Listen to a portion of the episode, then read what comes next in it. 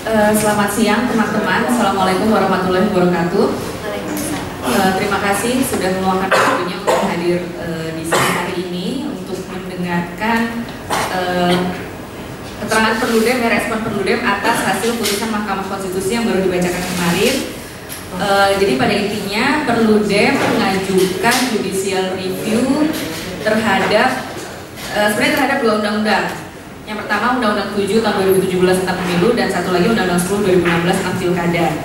Nah, intinya dalam permohonan Perludem adalah meminta Mahkamah Konstitusi untuk mendesain ulang keserentakan pemilu. Nah, dalam putusan kami sebenarnya dalam permohonan kami kami meminta bahwa desain pemilu serentak itu adalah pemilu serentak nasional yang memilih presiden, DPR dan DPD serta pemilu serentak daerah yang memilih e, kepala daerah dan DPRD-nya. Intinya sebenarnya putusan kami ini ditolak, tapi ditol walaupun ditolak kami tetap bahagia dengan putusan ini karena hal-hal yang ada di pertimbangan hukum mahkamah itu sebenarnya menyimpulkan atau apa ya kalau kita bisa bilang yang menyimpulkan dari apa yang sebenarnya menjadi permohonan kami. Nanti Mas Fadli akan presentasi dan juga akan menjelaskan ya Fadli mungkin bisa jelaskan dulu kan ini ditolak. Uh, tapi dan sebenarnya bagaimana posisi pertimbangan hukum Mahkamah Konstitusi yang kemudian bisa menjadi guideline atau pegangan ketika merevisi atau mendesain ulang pemilu serentak di Indonesia. Langsung aja ya Pak sebenarnya. Baik, terima kasih Mbak Mbak Kecil, Mbak dan teman-teman semua. Uh, ya, saya uh, berdiri untuk bisa menjelaskan uh, poin-poin dari uh, apa yang kemudian kemarin diputus oleh Mahkamah Konstitusi. Uh, sebetulnya ini perkara yang kita ajukan uh, sejak September tahun lalu diregistrasi oleh MK menjadi perkara nomor 55 uh, kemudian menjalani segala sedemikian rupa proses persidangan sekitar 7 sampai 6 kali persidangan seingat saya dan kemudian baru kemarin dikeluarkan putusan. Nah, lanjut. Kenapa penting uh, diskusi ini adalah untuk kemudian memberikan respon sekaligus memberikan pendalaman terhadap apa sebetulnya makna putusan MK ini terhadap desain pemilu serentak ke depan. Karena kalau kemudian seperti yang tadi Mbak Dini singgung, kalau uh, orang hanya membaca amar putusannya, orang akan menafsirkan secara sederhana bahwa putusan ini ditolak kemudian berhenti sampai di sana saja. Tapi ternyata ada hal-hal yang sangat substansial ternyata di dalam putusan ini terutama dalam pertimbangan hukum MK yang memiliki konsekuensi yang sangat mendasar, sangat penting terhadap desain penyelenggaraan uh, pemilu serentak kita ke depan. Nah, mundur, mundur. Nah, oke, okay. yang dimohonkan oleh Perludem sebetulnya ketika itu adalah memohonkan kepada MK bahwa pemilu serentak yang konstitusional itu adalah pemilu serentak yang terbagi dua, yaitu pemilu serentak nasional untuk memilih presiden, DPR dan DPD. Lalu setelahnya dilaksanakan pemilu serentak lokal untuk memilih DPRD provinsi, DPRD kabupaten kota yang berbarengan dengan gubernur, bupati dan wali kota. Bahkan dalam petitum permohonan itu kita minta MK menyebutkan juga waktu rentang waktu selisih antara pemilu serentak nasional dan serentak lokal yaitu dua tahun. Jadi ini yang sebetulnya dimohonkan oleh Presiden bahwa pemilu serentak yang konstitusional itu satu-satunya adalah pemilu serentak nasional dan serentak lokal. Serentak nasional untuk memilih presiden, DPR dan DPD. Kemudian dua tahun setelahnya dilaksanakan pemilu serentak lokal untuk memilih DPRD kabupaten kota, DPRD provinsi serentak dengan pemilihan gubernur dan uh, wali kota serta bupati. Lanjut. Nah, karena ruang lingkup yang kita mohonkan itu ada di tiga undang-undang, undang-undang pemilu dan undang-undang pilkada, tapi undang-undang pilkada mengalami dua perubahan, makanya kita memohonkan tiga undang-undang kemarin. Undang-Undang Pemilu, Undang-Undang 7 2017, kemudian Undang-Undang 8 tahun 2015, dan Undang-Undang Perubahan eh, Pilkada, Undang-Undang 10 tahun 2016. Nah, karena kita minta spesifik soal tafsir pemilu serentak, tafsir satu-satunya itu adalah serentak nasional dan serentak lokal, makanya Mahkamah menolak permohonan itu. Coba lanjut mas. Nah, ini amar putusan amar putusan MK karena perlu meminta desain pemilu serentak yang sangat spesifik yaitu serentak nasional untuk memilih presiden, DPR dan DPD, lalu serentak lokal, gubernur, bupati dan wali kota, DPRD provinsi dan DPRD kabupaten kota, maka Mahkamah Konstitusi menolak permohonan ini karena kita hanya minta ini. Nah, tetapi ternyata di balik putusan yang ditolak ini, MK membangun konstruksi dan pertimbangan hukum yang sangat mendalam dan kemudian memberikan batasan-batasan yang sangat mendasar terkait dengan apa yang kemudian perlu diperhatikan dalam mendesain penyelenggaraan pemilu serentak ke depan. Lanjut. Nah, ada tiga hal yang sangat mendas, ada tiga hal utama yang mendasari putusan MK nomor 55 garis miring PUU 17 Romawi 2019 ini yang dibacakan kemarin siang. MK sebutkan ini di bagian awal pertimbangan hukumnya. Ada tiga hal kemudian yang akan jadi perhatian utama untuk memutus perkara ini. Pertama, MK menguraikan perdebatan para pengubah Undang-Undang Dasar 1945 atau original intent. Apa sih maksud asli membentuk undang-undang dasar itu ketika membahas perdebatan terkait dengan pemilihan umum di Indonesia. Jadi ini yang diuraikan oleh MK. Nanti saya akan uh, paparkan juga apa saja kemudian uraian-uraian itu. Dan yang kedua, pendekatan mendasar yang digunakan MK dalam mempertimbangkan permohonannya adalah bagaimana pertimbangan hukum MK itu bermuara kepada penguatan sistem presidensial di Indonesia. Jadi arah untuk menata sistem pemilu termasuk jadwal pemilu di Indonesia itu harus bermuara kepada penguatan sistem presidensial. Seperti apa penguatan itu nanti Mas Herin dan Pak Titi akan mendalami. Nah yang ketiga, MK juga secara panjang lebar menelusuri kembali makna pemilihan umum secara serentak di dalam putusan MK terdahulu, yaitu putusan nomor 14 tahun 2013 yang ini adalah tonggak awal dilaksanakannya pemilu serentak. Ini putusan yang permohonannya diajukan oleh Effendi Ghazali tahun 2013 yang diputus MK pada awal Januari 2014 yang memerintahkan bahwa pemilu yang konstitusional itu adalah pemilu yang serentak untuk memilih presiden dan pemilihan anggota legislatif. Jadi tiga hal ini yang kemudian diuraikan oleh MK di dalam e, memutus perkara yang diajukan oleh Presiden. Nah, di dalam pertimbangannya MK menyampaikan beberapa hal yang sangat penting dan memberikan batasan-batasan yang sangat detail menurut kami soal bagaimana pembentuk undang-undang melakukan pembatasan dan mengatur jadwal penyelenggaraan pemilu serentak dan memberikan pilihan-pilihan yang sebetulnya sangat variatif tapi terbatas untuk mendesain pemilu serentak yang konstitusional. Ada beberapa hal penting yang disampaikan oleh MK dalam pertimbangan hukum putusannya. Saya akan coba uh, ini, coba akan paparkan. Nah, pertama, ini sebetulnya hal yang uh, sangat mendasar. Di dalam pertimbangannya, MK mengatakan bahwa pemilu lima kotak, pemilu yang kemudian dilaksanakan seperti tahun 2019 yang lalu, memilih presiden, DPR, DPD, DPRD provinsi dan DPRD kabupaten kota dalam satu waktu yang bersamaan Ternyata itu bukanlah pilihan satu-satunya dalam menyelenggarakan pemilu serentak. Artinya pendalaman MK terhadap putusan nomor 14 melalui putusan nomor 55 tahun 2019 ini mengubah paradigma bahwa pemilihan serentak yang konstitusional itu tidak satu-satunya dalam bentuk pemilihan lima kotak seperti yang dilaksanakan pada tahun 2019 yang lalu. Artinya ada variabel dan pilihan yang lain. Ini nanti bisa dilacak di dalam putusan MK di pertimbangan hukum paragraf 3.15.1 halaman 316. Mas Ade, silakan masuk Mas Ade. Nah, ini eksplisit MK mengatakan bahwa gagasan pemilu serentak yang kemudian konstitusional bukanlah pemilu serentak lima kotak yang satu-satunya harus bisa dilaksanakan. Artinya ini menggeser paradigma putusan 14 tahun 2013. Lanjut. Nah, Berdasarkan pendalaman terhadap original intent atau maksud asli, maksud asli para pengubah undang-undang dasar sepanjang tahun 99 sampai 2002 dulu, MK mengelompokkannya menjadi tujuh varian. Jadi sebetulnya ada tujuh varian yang diperdebatkan oleh para pengubah undang-undang dasar ketika itu ada Pak Selamat Effendi Yusuf, ada Pak Hamdan Zulfa dan lain sebagainya yang kemarin dikutip oleh MK dalam putusan. Sebetulnya ada tujuh varian dalam penyelenggaraan uh, pemilu serentak di Indonesia. Jadi tidak keluar dengan satu gagasan tunggal, tidak keluar dengan satu desain tunggal seperti yang dilaksanakan pada 2019 yang lalu. Nah ini beberapa uh, ini tujuh varian itu. Nah nanti bisa dielaborasi lebih jauh oleh uh, Mas Erwin, Mas Jenis dan Mbak. Nah, lanjut. Nah, apa hal penting berikutnya?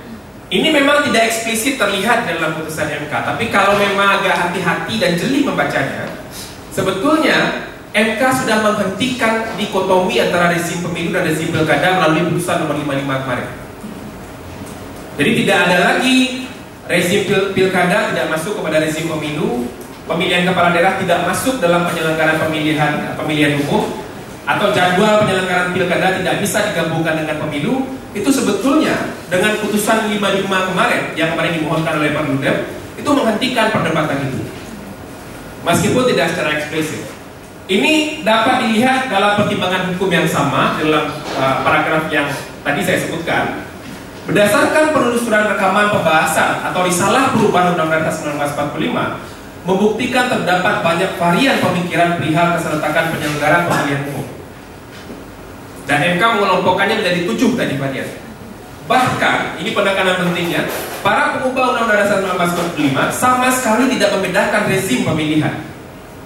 Jadi tidak ada rezim pemilu, tidak ada rezim pilkada, itu sama sekali tidak dibedakan. Apa buktinya? Itu coba kembali mas ke slide sebelumnya. Nah, itu terbukti kepada varian keempat yang dirumuskan oleh para pengubah Undang-Undang Dasar, itu memperlihatkan pemilihan umum serentak itu bisa dilaksanakan berbarengan juga dalam lima tahun sekali dengan pemilihan gubernur, bupati, dan wali kota. Pemilihan umum serentak sesuai dengan berakhirnya masa jabatan yang akan dipilih, sehingga serentak dapat dilakukan beberapa kali dalam lima tahun itu, termasuk memilih langsung gubernur dan bupati dan wali kota.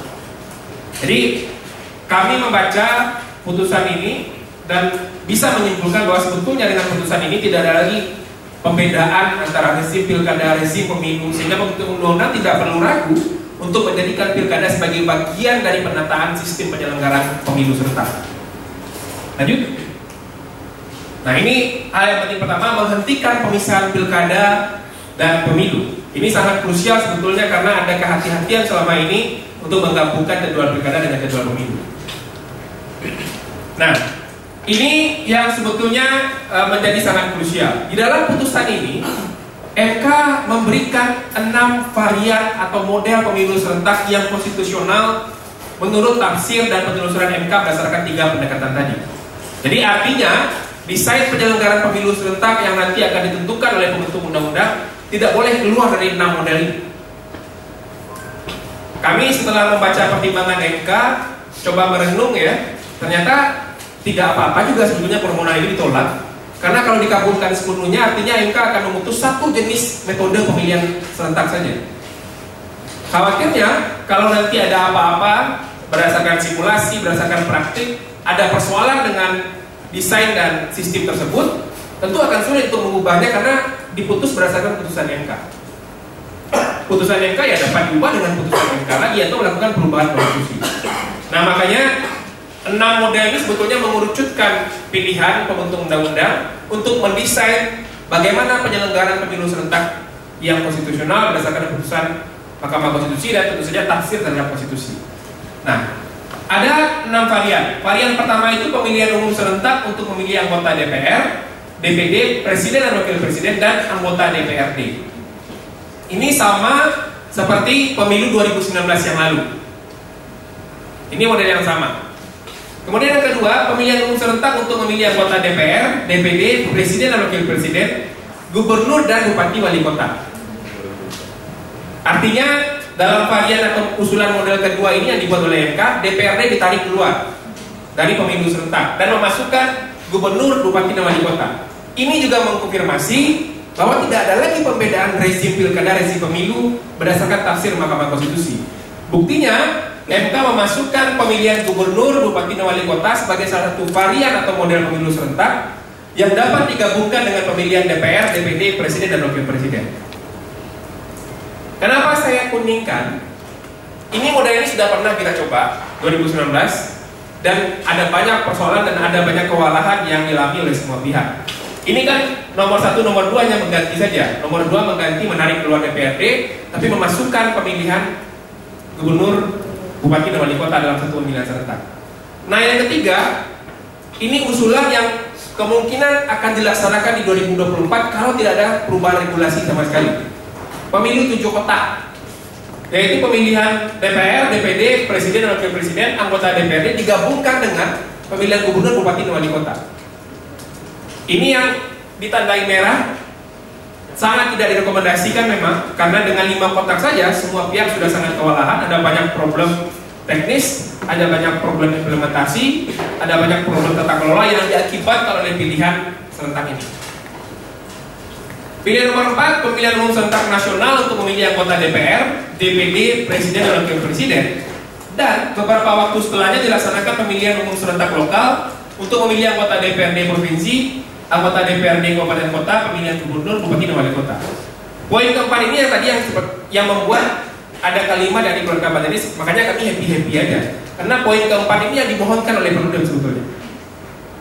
Jadi meskipun amar putusannya ditolak, karena kami meminta ini tafsir satu-satunya, MK nggak mau. MK memasukkan apa yang diminta oleh Perludem itu menjadi salah satu bagian dari enam varian yang mungkin bisa disimulasikan oleh pembentuk undang-undang. Yang kelima, pemilihan umum serentak nasional untuk memilih anggota DPR, DPD, Presiden, dan Wakil Presiden. Kemudian ada layer berikutnya, beberapa waktu setelahnya dilaksanakan pemilihan umum serentak provinsi, memilih DPRD provinsi dan gubernur. Kemudian beberapa waktu setelahnya dilaksanakan pemilihan DPRD kabupaten kota dan bupati serta wali kota. Jadi pilihan kelima membuat pemilu serentaknya menjadi tiga tingkat. Serentak nasional memilih presiden, DPR dan DPD, serentak tingkat provinsi dan serentak tingkat kabupaten kota. Yang keenam, pilihan-pilihan lainnya. Jadi ini terbuka opsi lain.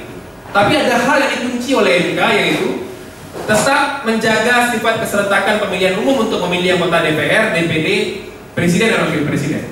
Artinya, pemilihan serentak untuk memilih DPR, DPD, dan Presiden itu sama sekali tidak bisa ditawar, tidak bisa diubah.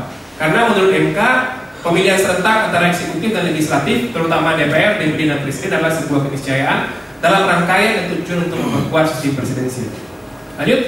Nah, ini kita perjelas ini ingin bukan ingin mau mengklaim bahwa sebetulnya permohonan kita diterima itu tidak penting juga sebetulnya tapi ini ingin memperlihatkan apa yang diminta oleh Perludem sebetulnya menjadi salah satu opsi yang kemudian dibuat oleh MK dalam salah satu varian atau model pemilu serentak yang ditawarkan dalam putusan kemarin lanjut mas nah dalam putusan ini juga MK menyebutkan ada prasyarat-prasyarat yang harus kemudian diperhatikan oleh pembentuk undang-undang. MK mengatakan untuk memilih enam model tadi itu sepenuhnya jadi domain pembentuk undang-undang.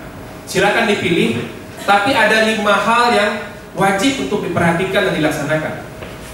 Apa itu? Pertama, pemilihan model pemilu serentak yang berimplikasi terhadap perubahan undang-undang dilakukan dengan partisipasi semua kalangan yang memiliki perhatian atas penyelenggaraan pemilihan umum. Artinya semua stakeholder harus dilibatkan mulai dari pemilih, penyelenggara, masyarakat, partai politik tentu saja, semuanya harus didengar aspirasinya, bagaimana kemudian simulasi dan implikasi teknis penyelenggaraan pemilu serentak.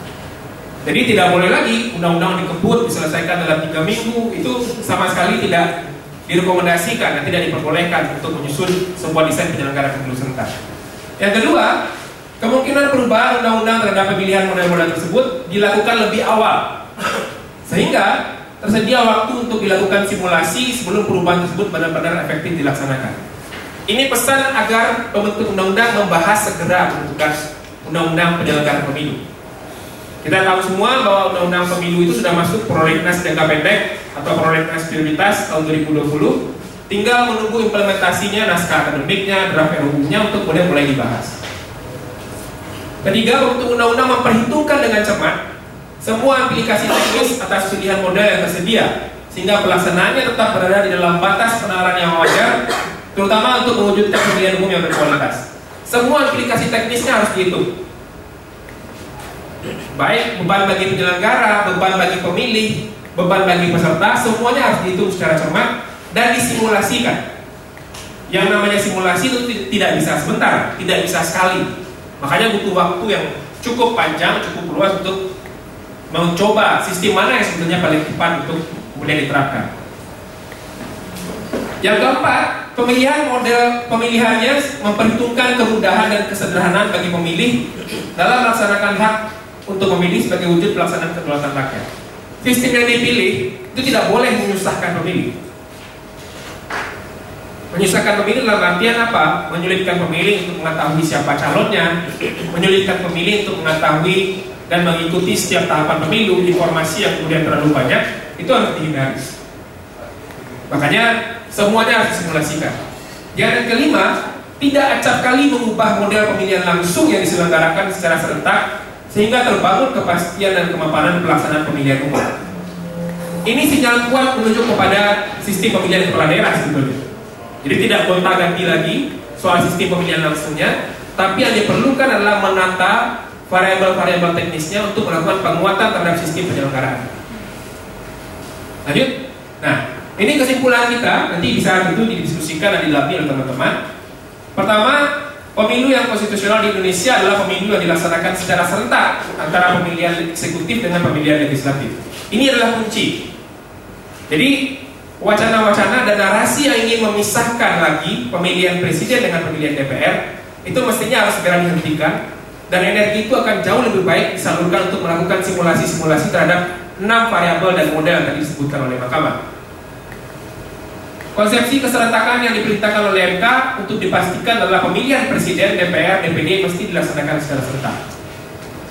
Yang kedua, pembentuk undang-undang DPR dan pemerintah segera membuka kanal partisipasi masyarakat dan seluruh kelompok kepentingan seluas-luasnya untuk memberikan masukan, lakukan simulasi, dan menghitung segala kemungkinan dengan cermat dan hati-hati sebelum menentukan pilihan model pemilu serentak mana yang akan dipilih untuk pelaksanaan pemilu di Indonesia ke depan. Jadi ini akan jauh lebih baik dibahas di awal agar nuansa atau suasana kebatinan untuk kontestasi pemilunya masih jauh. Makanya ini penting kalau dibahas dekat-dekat pemilu semua orang akan bicara regulasi yang mana yang menguntungkan dia dalam kontestasi pemilu. Makanya ini penting untuk dibahas. Ketiga, pemohon perlu dem mengapresiasi putusan MK yang telah meletakkan fondasi penting untuk sistem penyelenggaraan pemilu ke depan, sehingga perdebatan terhadap apakah pemilu serentak perlu diubah lagi atau tidak dapat dialihkan kepada pendalaman dan perdebatan yang jauh lebih penting, yaitu model pemilu serentak mana yang akan lebih memberikan penguatan terhadap daulat rakyat, penguatan sistem presidensil, dan integritas demokrasi Indonesia ke depan. Tentu saja sebelum menentukan pilihan perlu dilakukan pencermatan, pengkajian dan simulasi yang detail dan hati-hati. Itu saja teman-teman, terima kasih. Nanti akan didalami oleh lagi oleh ada Mbak Titi, Mbak Denis dan Mas Terima kasih. Kasih Fadli. Jadi teman-teman, eh, yang mau saya garis bawahi adalah kemarin ketika Mahkamah membacakan putusannya, Mahkamah Konstitusi itu sebenarnya tetap pada uh, apa ya pertimbangan mereka ketika memutuskan uh, putusan MK nomor 14 tahun 2013 bahwa desain sistem pemilihan umum di Indonesia itu haruslah sistem pemilihan yang memperkuat sistem presidensial karena sistem presidensial adalah sistem pemerintahan yang disepakati dalam konstitusi. Makanya MK menyatakan bahwa caranya adalah dengan menyerentakkan pemilu. Yang dikunci oleh MK adalah bahwa pemilu pemilihan presiden, DPR dan DPD itu harus dalam pemilihan yang serentak. Itu untuk kalau itu untuk konteks nasionalnya. Tapi kami meyakini bahwa Uh, penguatan sistem presidensil itu tidak hanya di tingkat pusat saja, tapi di tingkat daerah juga perlu penguatan sistem presidensil. Nah itu yang sebenarnya menjadi catatan kami karena mungkin tidak dibahas oleh mahkamah terkait dengan penguatan sistem presidensil di pemerintahan daerah. Nah sekarang saya akan ke Mas Heroik. Mas Heroik dari model-model enam pilihan, model-model yang ditawarkan oleh mahkamah tadi, model mana yang kira-kira uh, selain juga mendorong penguatan sistem presidensil di tingkat pusat, tapi juga bisa mendorong penguatan sistem presidensil di daerah dan bagaimana uh, itu bekerjanya. Silakan. Assalamualaikum warahmatullahi wabarakatuh. Selamat siang, salam sejahtera untuk kita semua. Eh, rekan-rekan uh, sekalian, tadi Mas Fati uh, sudah banyak menjelaskan bagaimana kemudian putusan Mahkamah Konstitusi yang kemarin sore diputuskan itu menjadi momentum bagi kita untuk kembali menata ulang desain sistem pemilu kita. Nah sebelum uh, saya ingin mencermati bagaimana pilihan-pilihan enam pilihan tadi yang seperti diungkapkan oleh Mbak Denis, bagaimana sebetulnya dari enam pilihan tersebut paling tidak memiliki dua intensif insentif. Yang pertama adalah uh, efektivitas sistem pemerintahan presidensil, yang kedua adalah efisiensi. Nah, sebelum membahas ke sana, saya ingin uh, mengajak rekan-rekan sekalian uh, mulai dari kenapa kemudian Perludem pada hari ini melakukan judicial review ke Mahkamah Konstitusi yang dilakukan sejak September uh, 2019 lalu. Nah, tentunya putusan judicial uh, keputusan kami untuk melakukan judicial review ke Mahkamah Konstitusi dilandaskan pada evaluasi pemilu serentak 2019 kemarin. Nah, rekan-rekan sekalian, kalau kita cermati ke belakang dari putusan MK di tahun 2013 tentang putusan 14 yang menjadi payung hukum penyelenggaraan pemilu serentak 2019, itu paling tidak ada dua hal yang uh, berupaya untuk dicapai. Yang pertama adalah efektivitas sistem pemerintahan presidensial, yang kedua adalah efisiensi. Nah, efektivitas sistem pemerintahan presidensial yang seperti apa? Nah, problemnya sejak purifikasi sistem pemerintah, pemerintahan presidensial di Indonesia di tahun 2004 yang ditandai dengan pemilihan langsung presiden dan wakil presiden ada problem bagaimana kemudian keterpilihan presiden itu tidak dibarengi dengan dukungan yang uh, yang strategis di level legislatif. Padahal jika kita lihat dari segi undang-undang dasar kita, konstitusi kita menyebutkan bahwa setiap keputusan yang diambil oleh presiden sebagai singatif eksekutif, kepala negara sekaligus kepala pemerintahan tetap memerlukan persetujuan dari legislatif DPR. Nah, tentunya kita mengetahui betul bagaimana kemudian uh, uh, pada masa periode pertama pemerintahan Pak SBY di 2004 itu, Pak SBY dan Pak JK itu hanya diusung oleh tiga partai politik. Ada Demokrat, ada PBB dan juga ada PKPI yang kursinya itu adalah minoritas. Artinya ketika Pak SBY dalam merumuskan kebijakan tentunya kan memerlukan persetujuan di legislatif baik undang-undang ataupun APBN. Di tengah minoritas ini artinya presiden bisa saja kapan saja ditolak usulan kebijakannya, undang-undangnya, APBN-nya dari dukungan minoritas tersebut. Nah, di 2004, di 2009, dan 2014 untuk mensiasati hal tersebut, bagaimana kita dihadapkan dengan pola koalisi yang dibangun pasca pemerintahan terpilih. Kalau kita lihat kan pola koalisi ini terjadi pada dua arena yang berbeda. Arena yang pertama adalah pada arena pemilu, ketika kontestasi bagaimana partai politik bersepakat untuk memenangkan bersama. Yang kedua adalah koalisi pasca pemerintahan. Di sinilah kemudian koalisi itu terjadi. Nah artinya memang kita punya problem bagaimana kemudian desain kepemiluan kita tidak mampu memberikan dukungan terhadap efektivitas sistem pemerintahan presidensial. Nah problem ini tidak hanya terjadi dalam konteks uh, di Indonesia. Sebagian besar negara yang menganut sistem pemerintahan presidensial multipartai selalu dihadapkan dengan problematika fragmentasi politik di legislatif. Bagaimana kemudian kerja-kerja presiden itu akan sangat tergantung dari dukungan yang dihadapkan di dalam uh, di, di, di kursi legislatif tersebut. Itu yang pertama. Yang kedua adalah soal efisiensi. Efisiensi ini tidak hanya dilihat dari segi kemudahan penyelenggaraan pemilu untuk melakukan pola manajemen penyelenggaraan pemilunya, tetapi juga dari pemilih. Rekan-rekan sekalian, jika kita lihat di pemilu serentak 2019 lalu, ada jumlah surat suara tidak sah yang cukup signifikan. Di pemilu presiden mungkin angkanya hanya kecil, hanya sekitaran 3%. Tetapi kalau kita lihat di pemilu DPD, DPR, dan DPRD provinsi misalnya, jumlahnya jauh lebih banyak. Sebagai contoh di DPR, eh, di level DPR itu kurang lebih 17 juta surat suara tidak sah. Sedangkan di DPD ada sampai dengan lebih 20 juta surat suara tidak sah. Artinya pemilih bisa jadi memang hak politik dalam konteks Indonesia kan itu memang menjadi uh, voluntary dalam artian boleh diberikan ataupun boleh tidak oleh pemilih.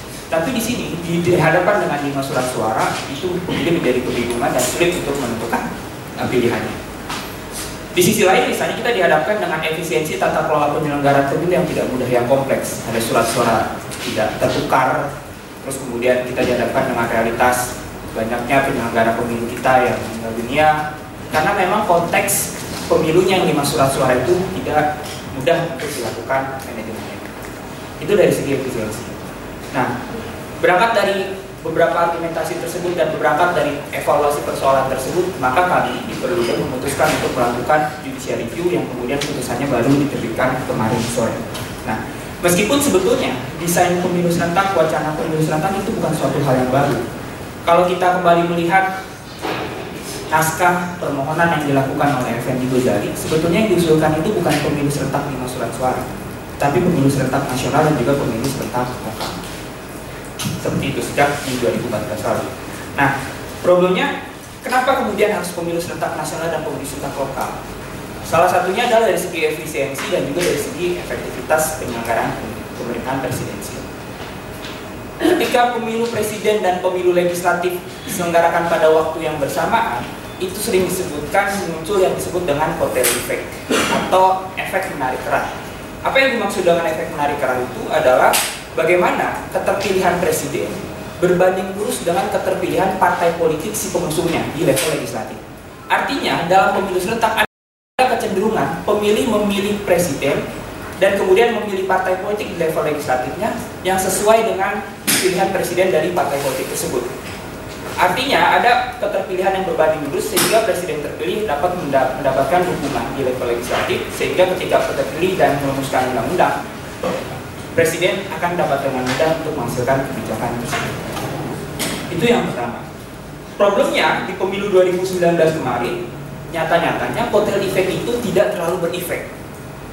Misalnya kita lihat partai politik pemenang pemilu PDIP itu tidak terlalu vote share-nya atau perolehan suaranya dari kotel efek itu tidak terlalu signifikan, hanya naik kurang lebih satu setengah persen dari pemilu 2014. Meskipun kalau kita lihat dari koalisional efek, bagaimana kemudian koalisi yang dibangun oleh dua pasangan calon tersebut, memang ada dampak yang cukup signifikan dari kehadiran pemilu serentak.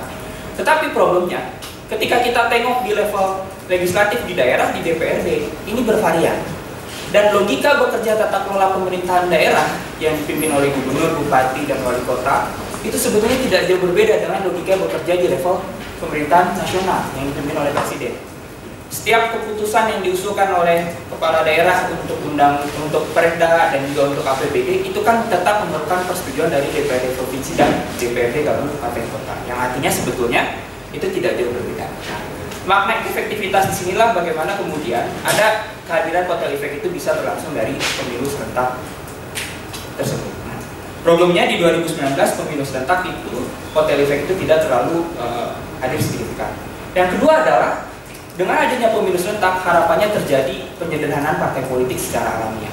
Nah problemnya kita selalu menganggap penyederhanaan partai politik itu dari segi jumlah partai. Tetapi tidak, sebetulnya penyederhanaan partai politik itu lebih bagaimana ruang interaksi antar partai politik dalam menghasilkan kebijakan itu di, di, dipengaruhi oleh sedikit partai. Yang artinya ini ber, ber, berbasiskan pada konsentrasi kursi yang dimiliki oleh masing-masing partai politik. Jika kita lihat dari hasil pemilu serentak 2019 kemarin yang diukur dari indeks efektivitas number parties in parliament di NPP, di NPP kita dari pemilu 2014 lalu itu tidak tidak terlalu uh, berubah cukup signifikan rekan sekalian. Di 2014 sistem kepartaian kita itu sekalipun ada 10 partai politik, itu sistem kepartaiannya hanya ada 8 partai politik yang punya pengaruh signifikan dalam menghasilkan keputusan di level legislatif. Sedangkan di 2019 itu INPP-nya 7,4. Nah dari sinilah kemudian pemilu serentak dengan 5 surat suara tidak mampu memberikan insentif atau dukungan terhadap efektivitas dan juga penegasan presidensialisme di Indonesia. Nah inilah yang kemudian diikuti oleh MK bagaimana kemudian penataan kembali desain sistem pemilu kita harus disesuaikan dengan rancang bangun uh, sistem pemerintahan presidensial di Indonesia. Nah pertanyaannya, Sekalipun MK tidak uh, secara tegas bagaimana desain keserentakannya, MK memutuskan ada kurang lebih enam pilihan, bisa dilihat. Ada enam pilihan tersebut. Nah, mari kita lihat dan kita cermati dari enam pilihan tersebut mana yang mampu memberikan dua insentif dasar tersebut. Satu, efektivitas pemerintahan presidensial. Yang kedua adalah efisiensi. Nah, efisiensi ini bukan hanya dari segi biaya rekan-rekan sekalian, tapi efisiensi kemudahan penyelenggara pemilu KPU ataupun Bawaslu dalam melakukan tata kelola manajemen penyelenggaraan pemilunya. Yang kedua adalah yang tidak kalah penting adalah efisiensi bagi pemilih agar pemilih dapat dengan mudah untuk memberikan pilihannya. Nah yang pertama misalnya, yang pertama ada beberapa model tersebut yang dilihat dari original intent tersebut. Yang pertama adalah pemilihan umum serentak untuk memilih anggota DPR, DPD, presiden dan wakil presiden dan anggota DPRD. Artinya ini seperti pemilu serentak 2019 kemarin yang nyatanya tidak mampu memberikan dukungan maksimal terhadap efektivitas sistem pemilihan presidensial di Indonesia dan termasuk juga efisiensi kemudahan pemilih yang terbukti dengan surat suara tidak sah yang cukup banyak. Yang kedua adalah pemilihan umum serentak untuk pemilihan anggota DPR DPD, presiden dan wakil presiden, gubernur, bupati dan wali kota. Artinya DPRD dipisahkan dengan pemilu DPR, DPD, presiden dan juga gubernur. Nah, kotel efek mungkin akan bekerja di sini. Insentif dukungan DPR terhadap presiden terpilih itu akan terlihat mungkin di sini. Tetapi problemnya, kotel efek untuk level tata kelola efektivitas penyelenggaraan pemerintahan di daerah tidak bekerja. Karena apa? Level pemilihan DPRD dipisahkan dengan pemilihan gubernur dengan bupati dan wali kota. Padahal logika bekerja tata kelola pemerintahan daerah sama seperti logika tata kelola presidensialisme. Bagaimana kemudian kepala daerah dalam menghasilkan putusannya tetap memerlukan persetujuan dari DPRD provinsi ataupun DPRD kabupaten kota. Nah, yang berikutnya adalah pemilihan umum serentak untuk pemilih anggota DPR, DPD, presiden wakil presiden, anggota DPRD, gubernur, bupati, wali kota. Nah, kalau Undang-Undang 7 2017 tidak uh, direvisi dan juga Undang-Undang 10 2016, ini yang akan kita hadapi di 2024. Nah, pertanyaannya apakah akan menghasilkan rancang bangun efektivitas sistem pemerintahan presidensial dan juga efisiensi. Nah, pertama misalnya, kalau dari segi efektivitas, oke okay, untuk level daerah DPRD dan gubernur, bupati, wali kota digabungkan. Kemudian juga presiden dan DPR, DPRD digabungkan juga. Tapi problemnya, apakah kemudian ini akan jauh lebih efisien? Apakah pemilih akan dapat dengan mudah untuk menentukan pilihannya? Kemarin berkaca dari pemilu serentak 2019 lalu, dengan lima surat suara saja, pemilih cukup kebingungan seperti itu. Apalagi dengan kalau dihitung dengan uh, digabungkan dengan pemilu gubernur, bupati dan wali kota kurang lebih akan ada tujuh surat suara yang akan dihadapi oleh pemilih. Nah, ini catatan yang ke model nomor tiga. Nah, model yang nomor empat adalah pemilihan umum serentak nasional untuk pemilih anggota DPR, DPD, presiden, wakil presiden, dan beberapa waktu setelahnya dilaksanakan pemilihan serentak lokal untuk pemilih DPRD, provinsi, anggota DPRD kabupaten kota, pemilihan gubernur, dan juga pemilihan bupati wali kota. Nah, desain ini sebetulnya seperti yang kami usulkan. Bagaimana kemudian untuk pemilu nasional, kurang lebih pemilih hanya akan dapat tiga surat suara. Surat suara pemilu presiden, DPR, dan juga surat-suara pemilu DPD. Dari segi efisiensi, Pemilih tentunya akan dapat dengan mudah menentukan pilihannya karena hanya akan dapat tiga surat suara untuk pemilu nasional. Penyelenggara pemilu pun akan jauh lebih mudah untuk menyelenggarakannya dan harapannya surat suara tidak tertukar dan persoalan-persoalan rekapitulasi yang cukup lama itu dapat diatasi karena hanya ada tiga surat suara yang dihitung di level nasional. Dari segi efektivitas, insentif dukungan dari kotel efek itu akan terjadi dengan pemilu nasional yang presiden, DPR, dan juga DPD digabungkan. Bagaimana kemudian pola koalisional efek itu akan lebih bekerja. Nah, kami menduga kenapa kemudian kemarin kotel efek itu tidak terlalu berdampak signifikan di pemilu 2019 lalu. Karena digabungkannya pemilu DPRD provinsi dan DPRD kabupaten kota, sehingga kemudian pemilih tidak fokus pada lembaga-lembaga nasional tersebut. Di level lokal, insentif yang sama akan diperoleh juga, bagi kepala daerah terpilih yang harapannya juga akan memberikan insentif dukungan berupa hotel efek dengan dukungan yang signifikan terhadap gubernur dan juga bupati wali kota tersebut. Efisiensi pun akan terjadi dari segi pemilih dan juga penyelenggara. Karena apa? Pemilih hanya akan mendapatkan 4 surat suara, tata kelola pemilunya pun tidak terlalu banyak karena hanya ada 4 surat suara yang dihitung dan direkapitulasi. Nah, hal inilah yang kemudian kami usulkan di poin nomor 4. Di nomor 5, keserentakannya itu dibagi pada dalam tiga level. Level pertama di level nasional, pemilu presiden, DPR dan DPD. Di level kedua adalah level provinsi, gubernur dan juga gubernur dibarengkan dengan DPRD provinsi. Di level ketiga adalah bupati wali kota digabungkan dengan DPRD kabupaten kota. Dari segi insentif efektivitas tata kelola penyelenggaraan pemerintahan, hotel efek mungkin iya terjadi di setiap tiap provinsi tersebut. Tetapi divided government antara vertikal dari atas sampai dengan bawah itu mungkin sangat terjadi bisa saja misalnya di level nasional, presiden terpilih ada dari partai A. Di level provinsi, presiden uh, kepala daerah gubernur yang terpilih dari partai politik tersebut ada dari partai C. Kemudian di level lokal, di level kabupaten kota, bupati wali kota yang terpilih ada dari level partai D dan seterusnya. Artinya kemudian meskipun memang ini tata apa berkaitan dengan hubungan pusat daerah, berkaitan dengan kewenangan dari otonomi daerah tersebut, tetapi akan terjadi divided secara vertikal. Itu yang pertama. Yang kedua adalah dari segi efisiensi. Artinya kalau kita menggunakan tiga tahapan, tiga level pemilu serentak ini, bisa jadi selama lima tahun tersebut, selama lima tahun misalnya, ketika 2024 nanti kita pemilu serentak nasional, kemudian dua tahun berikutnya, satu tahun berikutnya setelah itu masuk tahapan pemilu serentak lokal di level provinsi, kemudian setelah level provinsi ada tahapan pemilu serentak di level kabupaten kota. Yang artinya setiap tahun kita dihadapkan dengan ready pemilu. Yang kemudian ini berdebat kurang lebih bisa berdampak terhadap kurang efisiennya tata kelola penyelenggaraan pemilu Indonesia. Pertimbangan-pertimbangan ini saya kira menjadi penting bagi para pemangku kebijakan khususnya Komisi 2 untuk mempertimbangkan dan juga melihat dan menguji lebih jauh desain keserentakan mana yang dapat diukur dari segi efektivitas dan juga efisiensi penyelenggaraan pemerintahan di, di Indonesia. Nah, rekan-rekan sekalian, namun menurut kami, sekalipun hari ini MK sudah uh, memutuskan untuk menolak judicial review yang kami uh, yang kami ajukan, tetapi MK memberikan guidance berkaitan dengan electoral engineering tersebut. Nah, kami di Perludem tidak hanya berhenti pada desain keserentakan saja, rekan-rekan sekalian. Tidak hanya berhenti pada waktu keserentakan saja. Karena kalau kita compare dengan negara-negara lain, selamat datang Pak Didi, silakan gabung Pak Didi. Pak Didi merupakan ahli yang kami hadirkan kemarin di Mahkamah Konstitusi untuk uh, dipergunakan.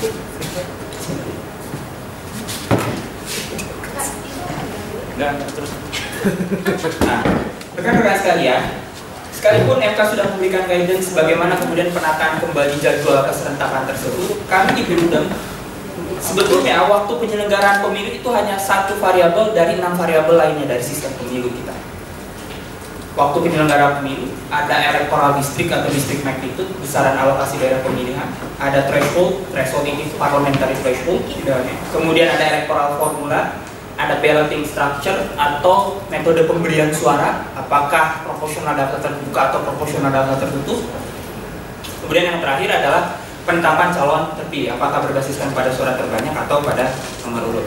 Nah rekan-rekan sekalian jika kita lihat memang efektivitas tata kelola presidensialisme multipartai di beberapa negara itu tidak hanya berhenti pada desain keserentakan apakah dia serentak nasional atau serentak lokal tapi ada dimensi lain dari sistem pemilu yang perlu diperhatikan juga oleh uh, kita, terutama dalam momentum untuk penataan kembali desain sistem pemilu di Indonesia. Nah, rekan-rekan sekalian di 2020 kita dihadapkan dengan sensus penduduk. Nah, bagi kami ini menjadi salah satu momentum untuk kembali menata besaran alokasi kursi daerah pemilihan Indonesia yang dihitung harus dihitung secara proporsional tersebut. Karena kalau kita bandingkan dengan negara-negara di Amerika Latin yang menggunakan pemilu serentak juga, meskipun variannya berbeda-beda, ada yang serentak nasional, serentak lokal, ada juga serentak keseluruhan, ada juga serentak sebagian. Tetapi ada elemen lain dari desain waktu keserentakan yang itu bisa memberikan insentif lebih dan juga memberikan dukungan terhadap dua variabel tersebut, efektivitas presidensial dan juga efisiensi tata kelola penyelenggara, yaitu adalah besaran daerah pemilihan. Saya ingin mencontohkan misalnya. Di Honduras sekalipun sistem pemilunya sistem pemilunya sama seperti di Indonesia proporsional open list tetapi besaran alokasi kursinya di setiap dapilnya itu rata-rata 7 kursi. Dan ini berdampak terhadap penyederhanaan partai secara alamiah yang efektivitas number in parlemennya itu 3,58 sekalipun ada banyak partai di sana tetapi efektivitasnya 3,58 nah kemudian ada juga di di Argentina. Meskipun sistem pemilu legislatifnya dia menggunakan close list tapi besaran dapil per dapilnya itu rata-rata 5 dan dia efektivitas number of party parlemen itu sampai dengan 3,12 kemudian yang terakhir misalnya di Chili ataupun Meksiko di Chili misalnya dia open list seperti di Indonesia tetapi rata-rata besaran dapilnya cukup kecil dan itu berdampak terhadap penyederhanaan partai dan juga ini berdampak terhadap untuk meredam fragmentasi politik di legislatif sehingga memberikan insentif dukungan terhadap presiden terpilih. Nah, dari sini tentunya kami melihat bahwa kita masih punya cukup waktu untuk sampai 2024 yang apa terlebih lagi undang pemilu masuk dalam prolegnas. Untuk itu kami mendorong para pemangku kebijakan khususnya Komisi 2 untuk segera mungkin membahas dan melakukan kajian berkaitan dengan penataan kembali desain keserentakan kita di 2024 dari enam pilihan tersebut mana yang kemudian memberikan insentif dan yang terakhir adalah bagaimana varian lain variabel lain dari sistem pemilu yang juga dapat mendukung terhadap efektivitas presidensialisme dan juga efisiensi tata kelola penyelenggaraan pemilu di Indonesia yang mendukung dari keserentakan tersebut. Nah, saya kira itu sebagai diskusi awal, kurang lebihnya mohon maaf. Assalamualaikum warahmatullahi wabarakatuh.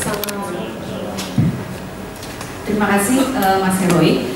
Selanjutnya Mbak Titi, Mbak Titi kemarin ketika MK MK kan bikin model-model ada enam kandidat, tapi tapi MK juga menegaskan bahwa dalam memilih itu ada uh, prasyaratnya. Pertama harus dengan partisipasi penuh, lalu juga dilakukan sejak lebih awal supaya kita siap mensimulasikan dengan aturan-aturan teknisnya.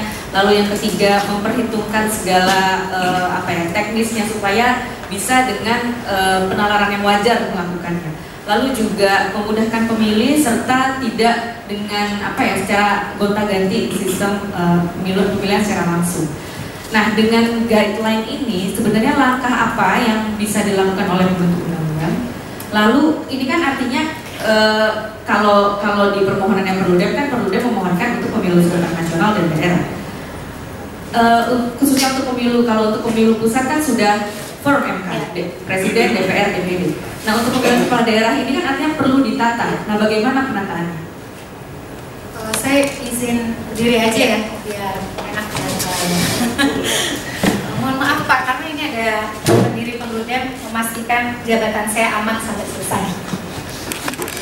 Sebentar lagi berakhir. Uh, sebelah sini aja ya.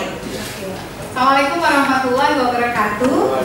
Uh, selamat siang kawan-kawan uh, semua. Terima kasih atas kehadirannya dalam uh, undangan yang cukup singkat tapi berkenan hadir.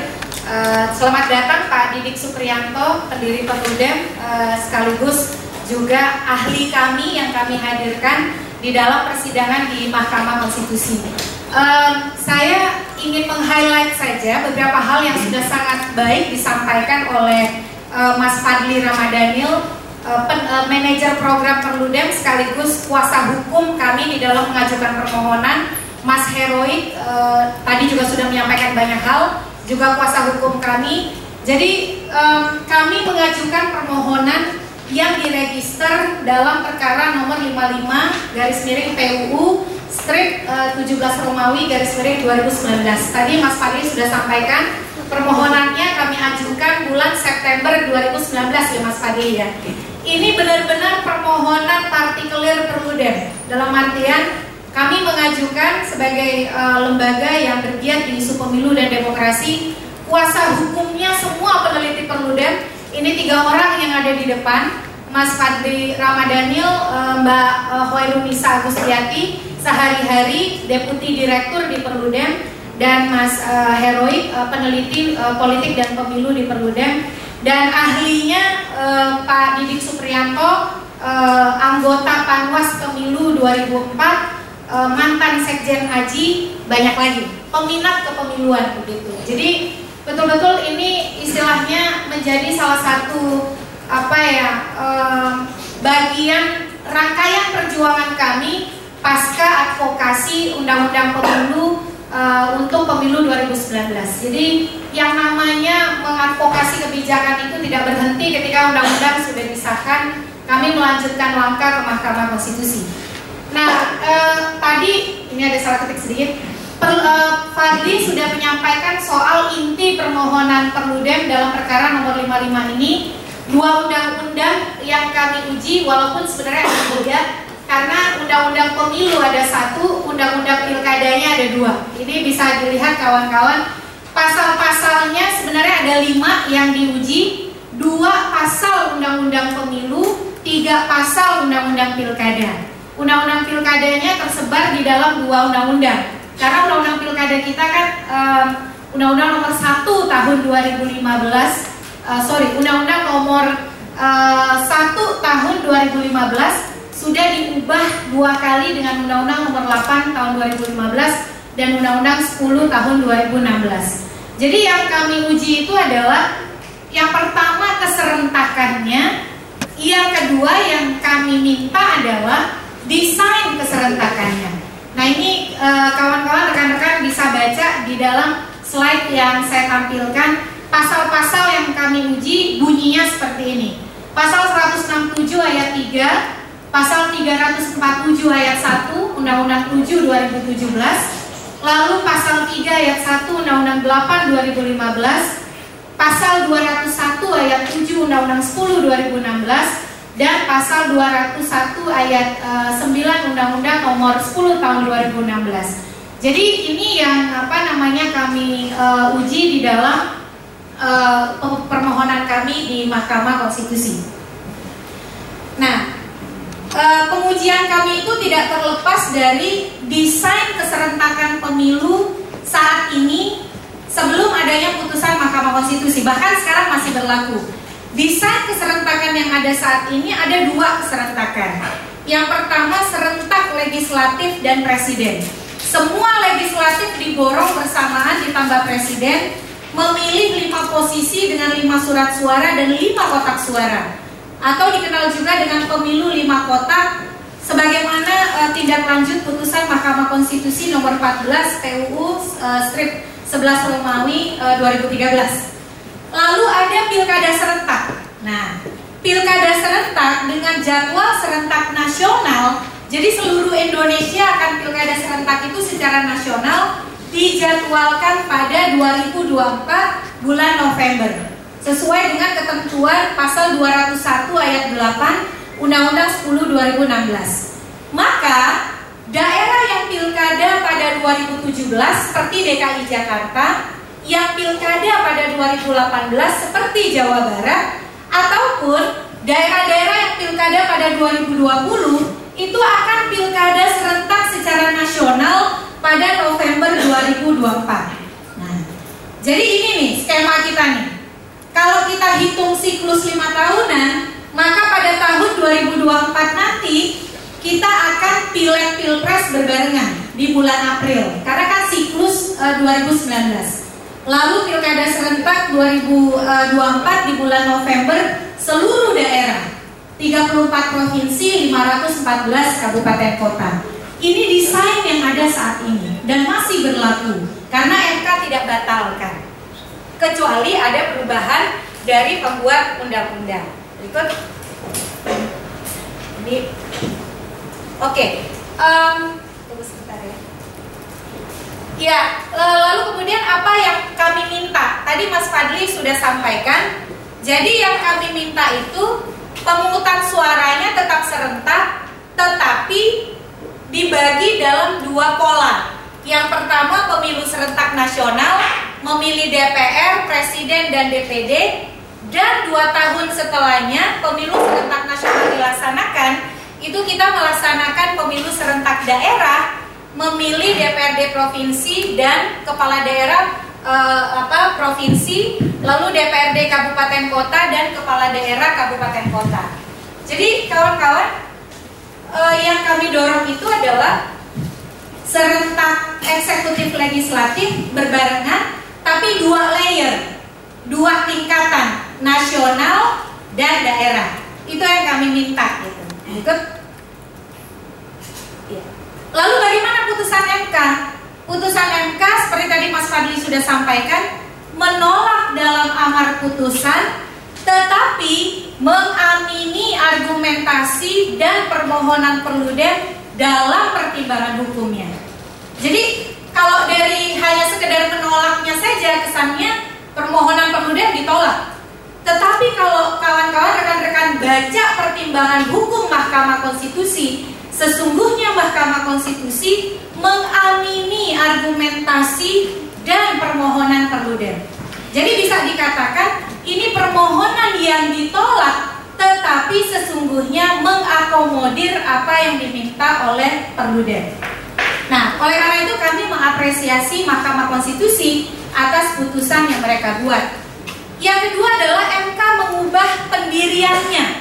Jadi MK sendiri itu berubah pendiriannya soal konstitusionalitas pemilu serentak lima kota sebagai satu-satunya pilihan yang konstitusional sebagaimana termuat dalam putusan MK nomor 14. Jadi MK itu berubah pendiriannya akibat permohonan yang kami ajukan. Karena kenapa? Permohonan untuk meminta membatalkan pemilu serentak lima kotak itu bukan hanya diajukan oleh Perludem, Kawan-kawan dari Arjuna Pemantau perkara nomor berapa Pak? 37 ya kalau tidak salah. Itu minta agar pemilu serentak dibatalkan. Putusannya dibacakan lebih dulu daripada putusan Perludem. Tetapi MK mengatakan MK belum cukup teryakinkan untuk mengubah pendiriannya di dalam putusan nomor 14. Nah, tetapi justru dengan permohonan yang diajukan oleh Perludem, Mahkamah Konstitusi di dalam pertimbangan hukumnya mengubah pendiriannya pada putusan nomor 14. Kalau dalam putusan 14 MK mengatakan bahwa yang konstitusional itu satu-satunya kalau pemilunya berbarengan antara DPR, DPD, DPRD provinsi, DPRD kabupaten kota dan presiden, maka dalam putusan 55 MK keluar dari pendiriannya di putusan nomor 14. Fadli tadi saya sudah uraikan, saya tidak akan ulang. Maka kemudian pilihan pemilu serentak nasional dan pemilu serentak daerah menurut MK adalah konstitusional. Apa yang diminta Perludem juga adalah konstitusional, tetapi bukan satu-satunya varian yang bisa dipilih oleh pembuat undang-undang. Nah, yang menjadi penting adalah poin yang keempat seperti tadi ditegaskan oleh Mas Fadli. Pemilu DPR, DPD, dan Presiden tidak boleh dilaksanakan terpisah. Misalnya ada PDIP, Golkar, Demokrat, PAN yang mewacanakan agar pileg terpisah dengan pilpres. Maka dengan keluarnya putusan ini, maka diskursus itu berakhir bahwa memisahkan pemilu DPR, DPD dengan pemilu presiden tidak bisa lagi jadi pilihan pembuat undang-undang.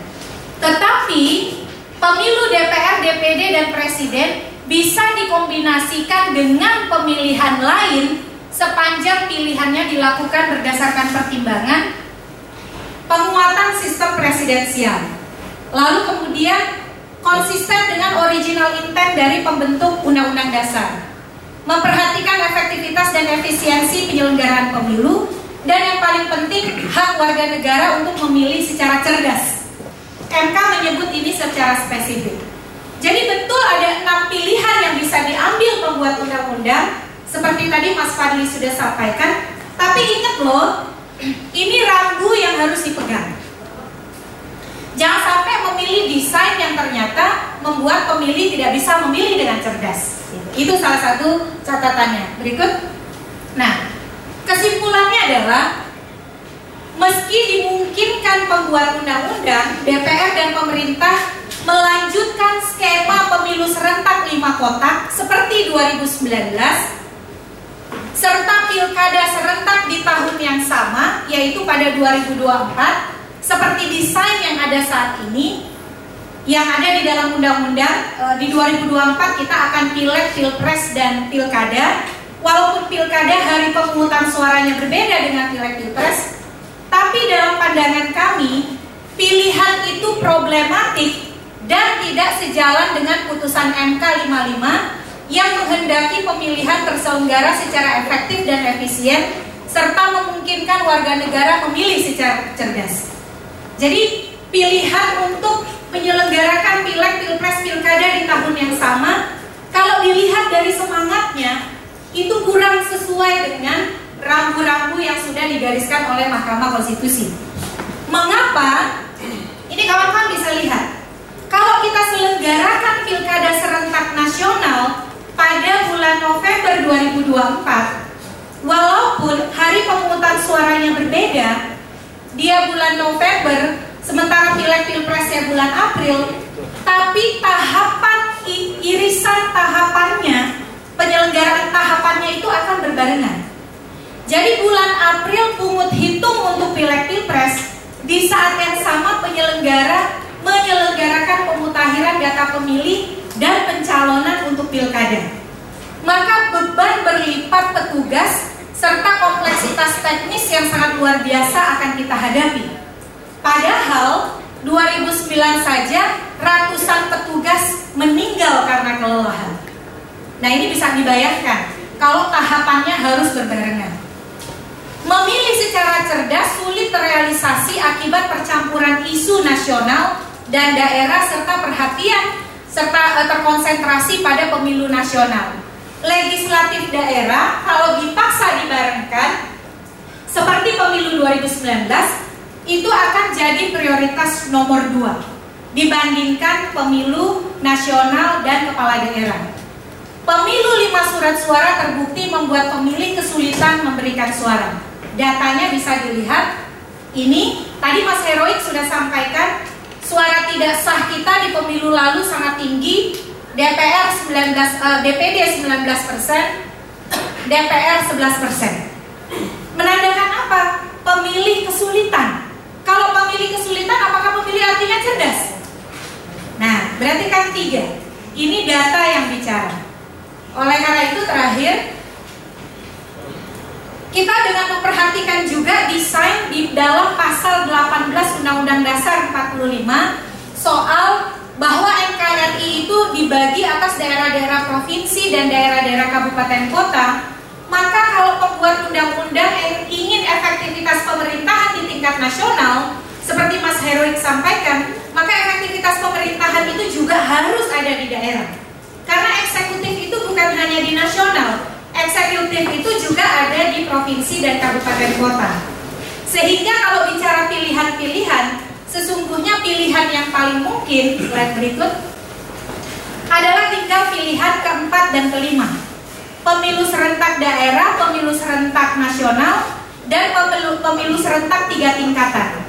Tapi pilihan yang kelima ini seperti Mas Herwig sampaikan, cenderung tidak efektif, cenderung tidak efisien dan bisa membuat keterbelahan atau keterputusan pemerintahan antara pusat dengan daerah. Jadi memang mau tidak mau bukan karena kami mengadvokasi ini, pilihan yang sejalan dengan rambu-rambu yang digariskan oleh MK ya sesungguhnya adalah pemilu serentak nasional dan daerah. Nah, tetapi rambu-rambu yang sudah diberikan oleh MK itu mestinya menjadi pintu masuk yang dipegang betul oleh pembuat undang-undang, DPR dan pemerintah yang saat ini sedang merevisi undang-undang pemilu. Jadi, undang-undang pemilu itu sudah mendapatkan fondasi yang sangat baik soal arah mereka harus membahas. Tetapi juga yang tidak boleh dilupakan rekan-rekan, pilihan pada desain keserentakan juga harus memperhatikan desain kelembagaan penyelenggara pemilu kita. Juga harus memperhatikan desain penegakan hukum pemilu kita. Jangan sampai desain kelembagaan penyelenggara pemilu kita itu tidak koheren, tidak sinkron dengan desain keserentakan. Misalnya begini, kalau keserentakan yang sekarang yang saat ini e, berlangsung kita pertahankan, pemilu semua diborong tahun 2024 itu desainnya tidak koheren dengan tidak sinkron dengan kelembagaan penyelenggara pemilu. Seperti diketahui penyelenggara pemilu kita permanen sampai tingkat kabupaten kota. Tetapi kalau pemilunya diborong hanya 2024, untuk apa dia permanen lima tahun? Nah, oleh karena itu pilihan keserentakannya itu harus sinkron, harus koheren kalau di sini kan pemilunya serentak nasional, serentak daerah. Jedanya dua tahun. Berarti dalam siklus lima tahun selalu ada kerja-kerja penyelenggaraan pemilu. Nah itu yang harus diperhatikan pembuat undang-undang. Koherensi antara desain keserentakan dengan desain kelembagaan penyelenggara pemilu dan desain penegakan hukum pemilu yang akan didorong. Jadi jangan terputus desain sistem meninggalkan kelembagaan atau kelembagaan meninggalkan sistem. Jadi kelembagaan penyelenggara pemilunya juga harus disinkronkan dengan pilihan kita pada keserentakan pilkada serta desain penegakan hukum pemilunya juga harus menopang itu. Nah, oleh karena itu saya kira saya ingin berakhir di situ. Kami mengapresiasi Mahkamah Konstitusi walaupun e, ada sedikit kritik nanti akan dibahas oleh ahli kami MK yang sedikit ragu-ragu juga bicara soal efektivitas e, tata kelola pemerintahan di tingkat e, daerah dalam hal ini provinsi dan kabupaten kota. Saya kira terima kasih. Assalamualaikum warahmatullahi wabarakatuh.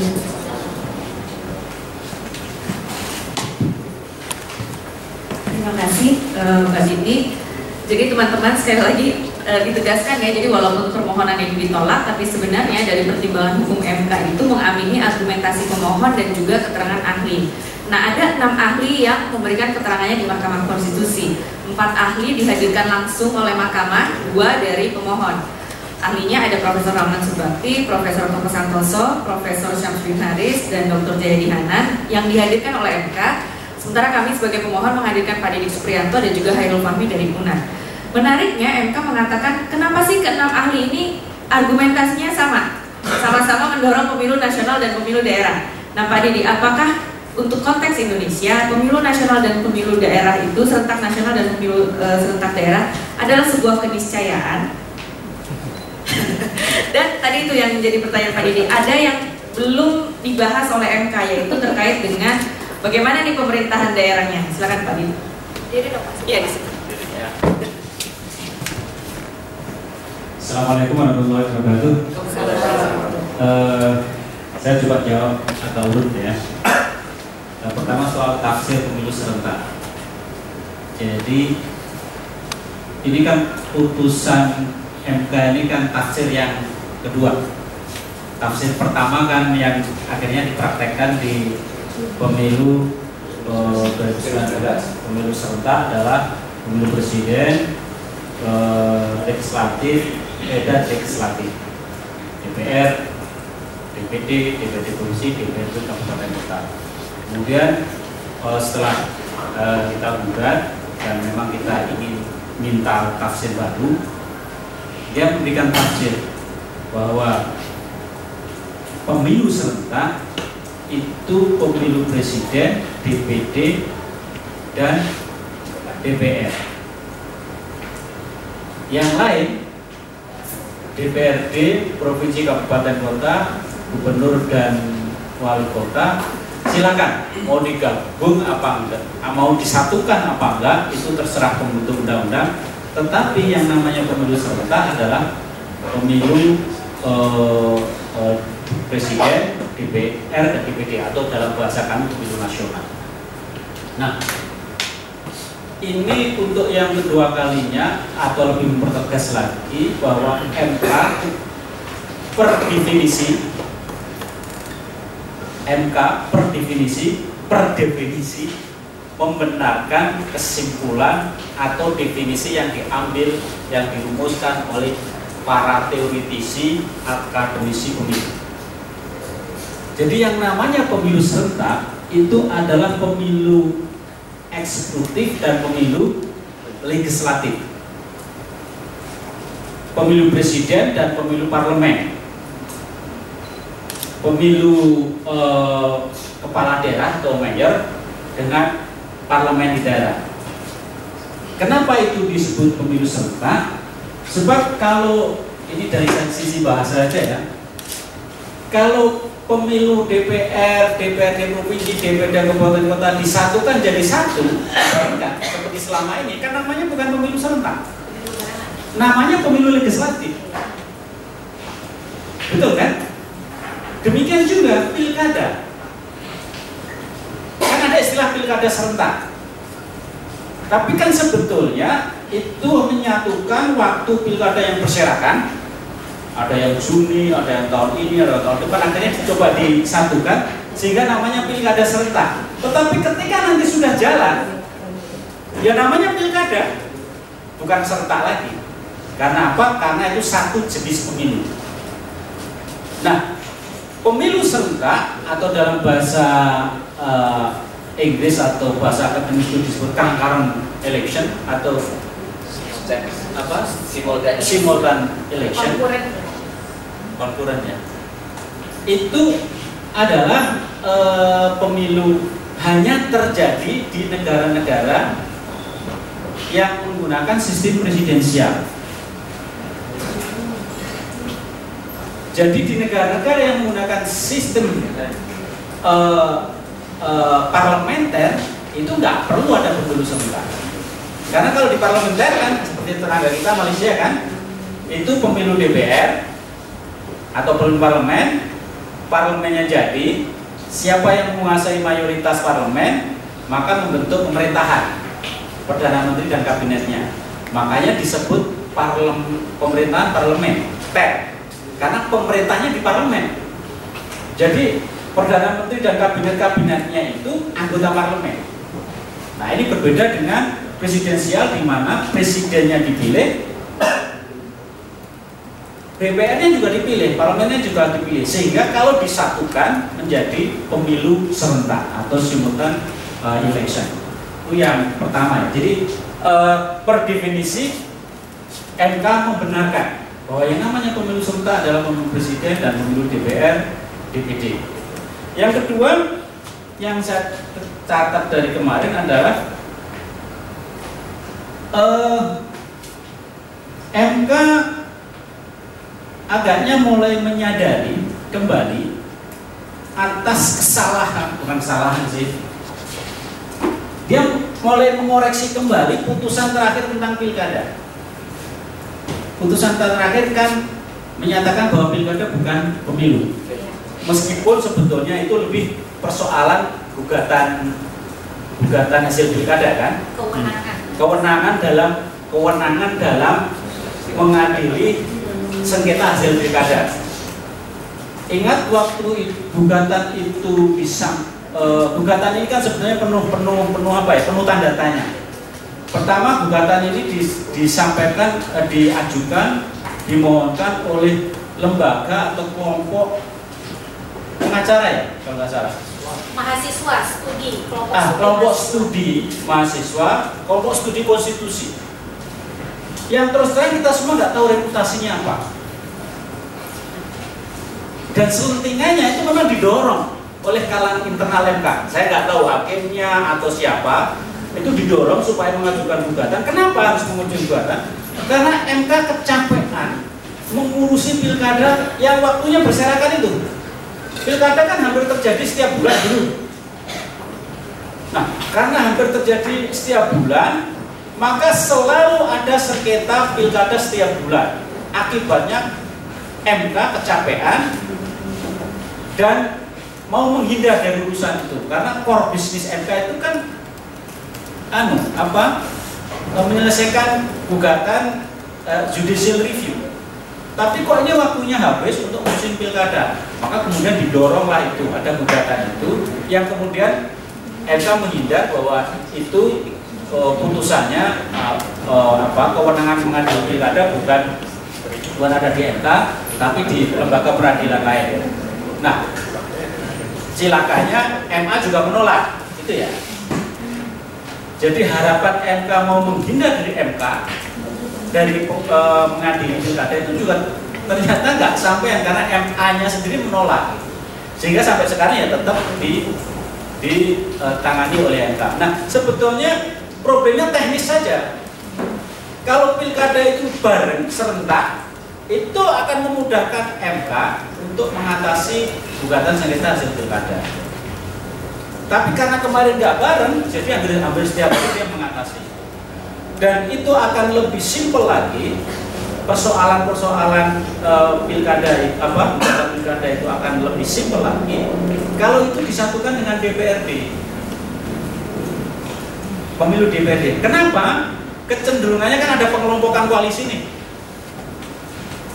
Pengelompokan koalisi jadi partai-partai akhirnya kelompok e, untuk e, dukungan terhadap gubernur atau bupati wali kota.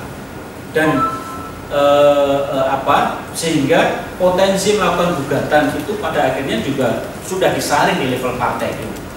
Ini gugatan ini masuk akal nggak? Kalau nggak masuk akal ya udah nggak usah. Itu yang e, yang yang kemarin coba di apa ya di menurut saya ditafsir ulang. Kenapa ditafsir ulang? Karena MK mempersilahkan pemilihan gubernur, bupati wali kota disatukan dengan pemilu nasional atau DPRD disatukan dengan pilkada. Kan ada pilihan-pilihan itu.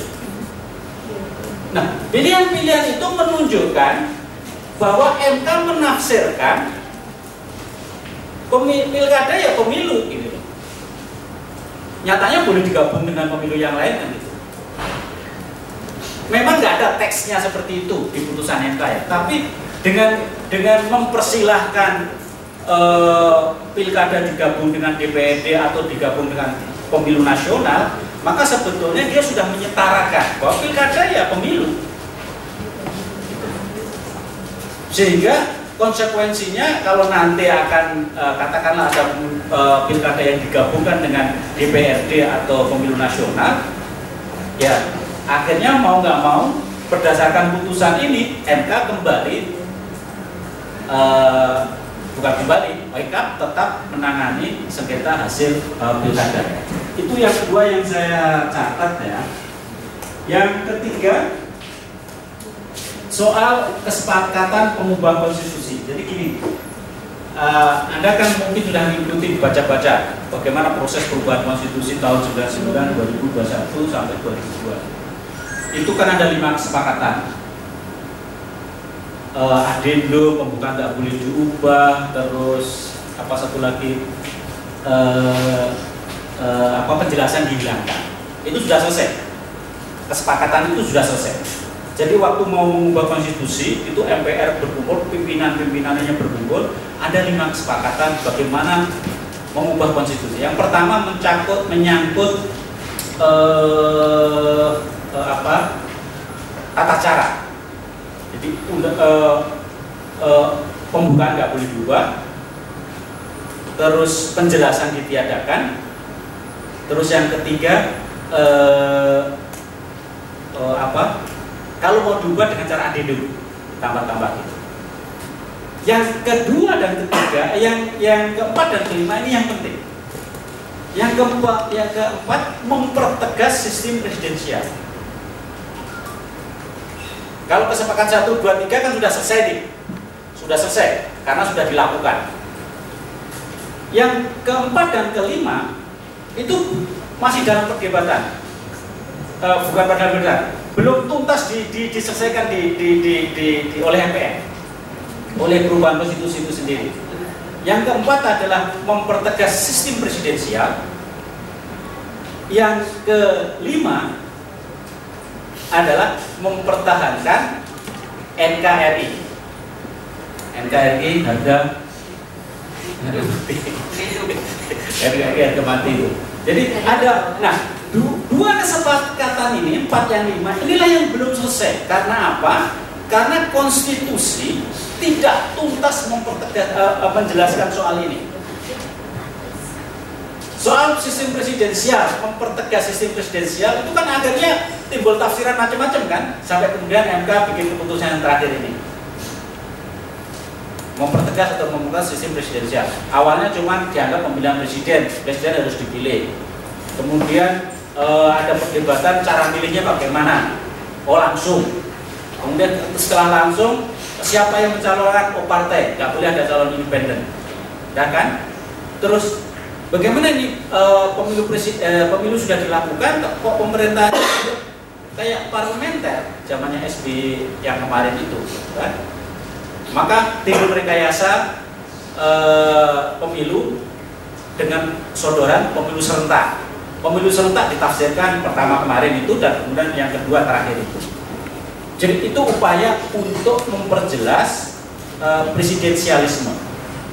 Tetapi yang kelima mempertahankan NKRI ini terus terang pasalnya juga terbatas. Bahkan menurut saya hanya ada satu pasal pasal 118 yakni eh, eh, apa NKRI dibagi menjadi daerah provinsi dan kabupaten kota. Setiap daerah provinsi dan kabupaten kota mempunyai DPRD. Provinsi dipimpin oleh gubernur, kabupaten kota dipimpin oleh bupati wali kota. E, pemerintahan daerah e, melaksanakan otonomi daerah dan tugas pembantuan yang diserahkan oleh pemerintah pusat. Nah, Ketentuan-ketentuan inilah menim masih menimbulkan tafsir. Tafsir dalam arti bagaimana kita mengefektifkan otonomi daerah pada saat yang sama tidak mengancam NKRI. Atau bagaimana NKRI ini bertahan dalam kerangka otonomi daerah. Perdebatannya masih panjang, termasuk ini saya sampaikan aja saya baca di Kompas kemarin Pak Arief dari dari PDIP bilang bahwa pemilu nasional pemilu lokal itu mengancam integrasi nasional dengan kata lain mengancam NKRI lah Tapi benarkah? Menurut saya ini pernyataan yang bombastis, nakut-nakuti. Rasanya tidak masuk akal. Kenapa? Karena sistem politik kita sudah mengikat jelas kok. Yang namanya partai harus bersifat nasional, ya enggak? Itu sudah ikatan yang luar biasa. Kalau kita bicara dari sisi teknis pemilu loh ya. Peserta DPRD dan pengusung calon kepala daerah adalah partai politik. Dan Anda tahu partai politik kita itu sangat sentralistis. Betul nggak? Calon kepala daerah bupati kampung, e, bupati wali kota tidak ditentukan oleh DPC, tidak ditentukan oleh DPD, bahkan tidak ditentukan oleh warga partai setempat, tapi ditentukan oleh DPP. Itu kan menunjukkan bahwa sentralisme partai politik ini sudah secara politik sudah cukup kuat bahkan berlebihan untuk mengikat NKRI. Makanya tidak masuk akal pernyataan Pak Arif itu. Cara ngancamnya gimana kok pemilu daerah eh, eh, apa mengancam integrasi nasional itu. Oh yang menentukan pasangan calon yang melaksanakan juga ada kaitannya dengan pemerintah nasional, partai nasional kok. Nah, tapi kan ini masih tafsiran-tafsiran dan apa ya e, gaya gaya diskusi yang memang harus ada yang provokasi, eh, provokatif gitu kan, supaya membangkitkan gasa-gasa hal-hal yang lebih jelas. Jadi e, pas kembali lagi kesepakatan pembuat undang-undang tentang mempertahankan NKRI itu dijabarkan oleh pasal 18 tetapi oleh pasal 18 ini masih menimbulkan tafsir macam-macam mulai istilah rezim rezim pilkada rezim pemilu. Kemudian disatukan lagi oleh MK terus kemudian muncul macam-macam karena memang belum tuntas. Sehingga pembentuk undang-undang harus memikirkan soal ini. Nah, kalau kami usulan Perundem dan kawan-kawan, ya jelas. Pemilu nasional, pemilu lokal dari berbagai macam sisi itu yang paling rasional. Memang tidak rasional buat partai. Oke, saya, saya dari sisi pemilih dulu ya. Dari sisi pemilih, pemilih lebih enak karena jumlah ya calon yang dipilih lebih sedikit. Dari penyelenggara bebannya lebih berat karena dibagi dua dari sisi partai sebetulnya juga menguntungkan karena partai energinya ketika ada pemilu nasional fokus ke pemilu nasional ketika ada pemilu daerah fokus ke pemilu daerah. Cuman partai kita maunya praktis saja simpel saja. Dia nggak mau dikontrol dua kali dalam lima tahun. Ya kan? Dia maunya sekali pemilu selesai lima tahun. Dan model pemilu seperti ini yang tanpa ada kontrol oleh pemilu yang lain, satu pemilu dikontrol oleh pemilu yang lain, inilah yang menyebabkan partai kita manja, partai kita keenakan, sehingga partai kita tidak dewasa-dewasa. Jadi, barrier pemilu nasional, pemilu lokal adalah partai politik. Karena dia sadar, dia tahu kalau itu dilakukan, dia harus kerja keras. Dua kali pemilu bayangkan. Itu yang dia nggak mau sebetulnya. Bukan soal ancaman nasional mau mengancam integrasi nasional, bukan itu saja. Dia nggak mau kerja keras dua uh, uh, lima tahun dua kali. Dia hanya ingin kerja keras sekali dalam lima tahun nggak mau kerja keras pada saat yang sama nggak mau dikontrol oleh pemilihnya. Kalau pemilu lokal, pemilu nasional kan jelas. Pada saat saya katakanlah saya memilih partai A dan calon yang diusung oleh partai A pada pemilu tahun pertama ini misalnya, tapi tahun kedua kok kinerjanya buruk, maka pada saat pemilu lokal saya bisa menghukum partai ini kinerja yang buruk ini saya untuk parlemen daerah nggak milih deh partai A lagi, saya milih partai lain. Demikian juga saya nggak akan milih calon yang diajukan oleh partai A. karena kemungkinan buruk juga cek calonnya. Nah, mekanisme kontrol inilah lewat pemilu inilah yang tidak dikehendaki partai. Bukan tidak kehendaki, yang dianggap merugikan partai. Makanya partai nggak mau pemilu nasional lokal. Jadi susah memang anak-anak diajak dewasa. Jadi ini kan kayak kayak anak usia SMP, SMA gitu kan. Kalau dimarahin punya keinginan dimarahin saya sudah dewasa. Tetapi kalau mau di, di, diatur supaya menjadi orang dewasa, ngaku anak-anak masih minta uang jajan, masih ini, masih itu. Ini problem kita. Jadi barriernya adalah di partai politik. Kalau kita bicara dari sisi pemilu, belum dari sisi yang lain. Jadi memang padahal untuk mengubah mendewasakan pemilu ini harus dari eh mengubah dan mendewasakan partai politik memang harus dari pemilu, sistem pemilu. Jadi memang ini aneh, apa kayak telur dan ayam mau mendewasakan partai sistemnya harus diubah, formatnya harus diubah, tapi partainya nggak mau. Jadi mana duluan, gitu kan? Agak-agak susah. Tapi inilah problem-problem kita setelah 20 tahun reformasi dan saya optimis pada satu saat bahkan mungkin yang akan datang ini mereka sudah sadar karena kan generasi baru sudah mulai tumbuh. Jadi eh, yang terakhir yang saya sampaikan sebetulnya gagasan pemilu nasional, pemilu lokal itu sudah muncul pasca pemilu 2004. Ya. 2004 dan menjelang pemilu 2009 pansus itu sudah sepakat dengan itu. Pansus di DPR ya? Kan waktu itu ada pansus di DPR yang membahas undang-undang uh, pemilu. Sudah sepakat. Di level pansus sepakat kan biasanya bergerak langsung dilaporkan fraksi.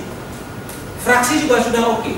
tetapi begitu dilaporkan ke ketua umum masing-masing partai berubah menolak.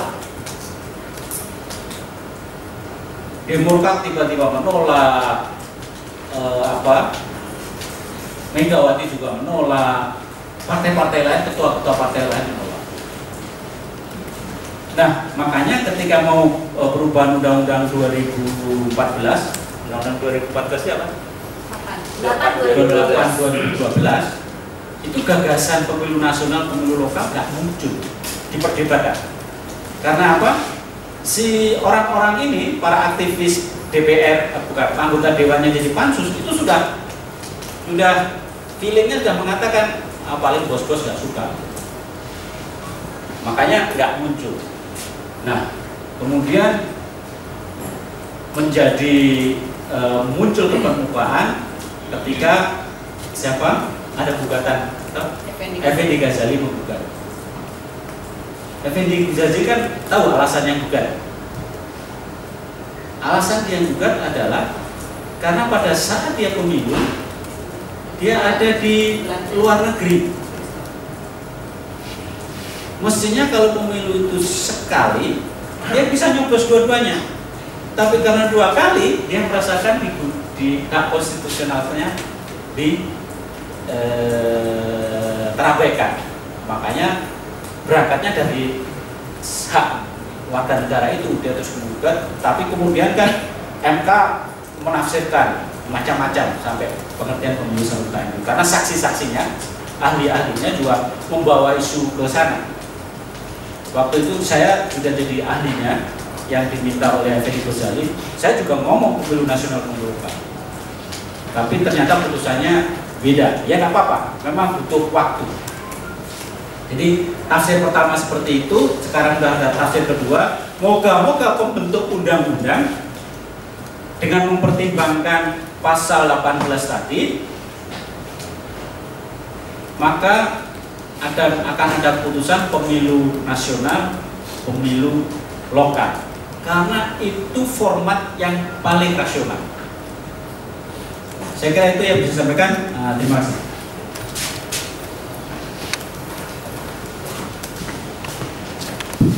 Baik, terima kasih Pak Didi. Eh, Rekan-rekan, uh, sekarang sudah jam satu. Saya buka satu saja, satu sesi saja jika ingin ada yang uh, mau bertanya atau diskusi. Dua orang ya, dua orang aja. Ada? Kalau tidak ada bisa langsung. Ada? Satu, dua. Baik. Uh, kalau tidak ada nanti bisa langsung doorstop ke uh, narasumber yang ada di depan. Ada closing statementnya, Mbak Titi, Mas Fadli. Cukup, cukup. Mbak Titi ada? Iya. Eh, apa?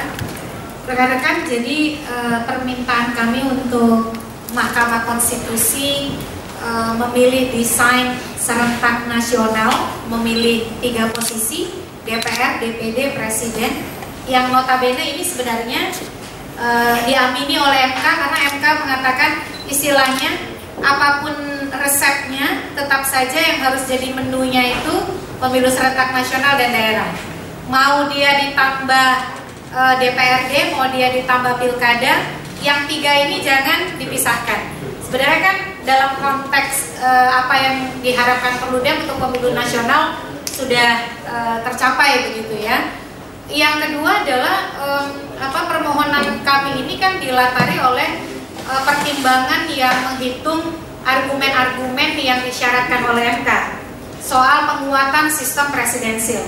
Bahkan ketika bicara soal penguatan presidensil tidak hanya terbatas pada tata kelola pemerintahan nasional, tapi juga kami bicara soal penguatan konstruksi NKRI kita dengan penguatan tata kelola pemerintahan di daerah. Otomatis kalau tata kelola pemerintahan daerahnya e, kuat, pelayanan publik juga akan lebih baik. Nah, e, sehingga kemudian pemilu itu bukan hanya soal sirkulasi elit, tetapi juga lebih memungkinkan kita mencapai tujuan kesejahteraan, e, pemerintahan yang anti korupsi, pelayanan publik dan lain sebagainya. Nah, yang e, ketiga juga desain pemilu yang adil, adil bagi penyelenggara dengan beban yang lebih terukur, adil bagi peserta dengan konsentrasi e, kompetisi yang lebih rasional dan adil bagi pemilih kalau pemilunya seperti 2019, mari kita bertanya pada diri kita sendiri, apakah kita betul-betul bisa memilih dengan cerdas, dengan informasi yang memadai, atau seperti apa? Jadi makanya kemudian pilihan serentak nasional daerah itu ya betul-betul kita eh, apa namanya eh, tawarkan dengan mempertimbangkan tadi memperkuat sistem presidensil, memperhatikan original intent pembahasan di uh, ketika amandemen konstitusi, yang ketiga uh, efektivitas dan efisiensi penyelenggaraan. Penyelenggaraan ini bukan hanya peserta ya, tetapi juga uh, apa bukan hanya penyelenggara tapi juga peserta dan pemilih. Yang terakhir adalah kemampuan pemilih untuk memilih dengan cerdas. Nah, oleh karena itu lagi-lagi rekomendasi kepada pembuat undang-undang mari lakukan pembahasan undang-undang pemilu yang sekarang masuk menjadi prioritas prolegnas dengan pendekatan-pendekatan yang inklusif dan demokratis. Jadi eh, apa yang disampaikan oleh MK sesungguhnya menjadi pesan bahwa undang-undang pemilu itu bukan hanya soal kepentingan partai, tetapi juga kepentingan para pemangku kepentingan yang lebih luas. Pembahasan undang-undang tidak boleh meninggalkan penyelenggara pemilu, karena undang-undang harus mampu menghitung implikasi teknis dan simulasi-simulasi penyelenggaraan secara e, baik, secara komprehensif. Tidak boleh meninggalkan apa namanya e, para pemangku kepentingan dalam hal ini pemilih termasuk di dalamnya gitu. Kami sendiri di Perludem berharap untuk dilibatkan e, di dalam atau kemudian e, diajak berpartisipasi di dalam pembahasan undang-undang pemilu ini dan kami secara kelembagaan uh, siap untuk memberikan masukan dan juga rekomendasi kami terkait dengan penyusunan undang-undang pemilu. Jadi mari kita memproyeksikan sebuah undang-undang pemilu yang berjangka panjang. Karena MK juga menginginkan kita tidak terlalu sering mengubah sistem. Artinya apa? MK juga ingin undang-undang pemilu yang berdaya laku lama. Oleh karena itu membuat undang-undang mestinya tidak terjebak pada perdebatan-perdebatan yang terlalu teknis biarkan pengaturan teknisnya diberikan pada peraturan yang dibuat oleh penyelenggara pemilu tetapi undang-undang bicara soal standar, prinsip dan juga pengaturan-pengaturan dasar yang harus menjadi pegangan para uh, penyelenggara, kontestan dan pemilih. Saya kira uh, itu harapan kami sekali lagi kami menghormati, mengapresiasi putusan Mahkamah Konstitusi meskipun kami berharap membuat undang-undang lebih bisa komprehensif melihat semangat putusan Mahkamah Konstitusi ini di dalam memformulasi desain keserentakan pemilu kita. Terima kasih. Baik, terima kasih Mbak Titi. Rekan-rekan sekali lagi terima kasih atas kehadirannya.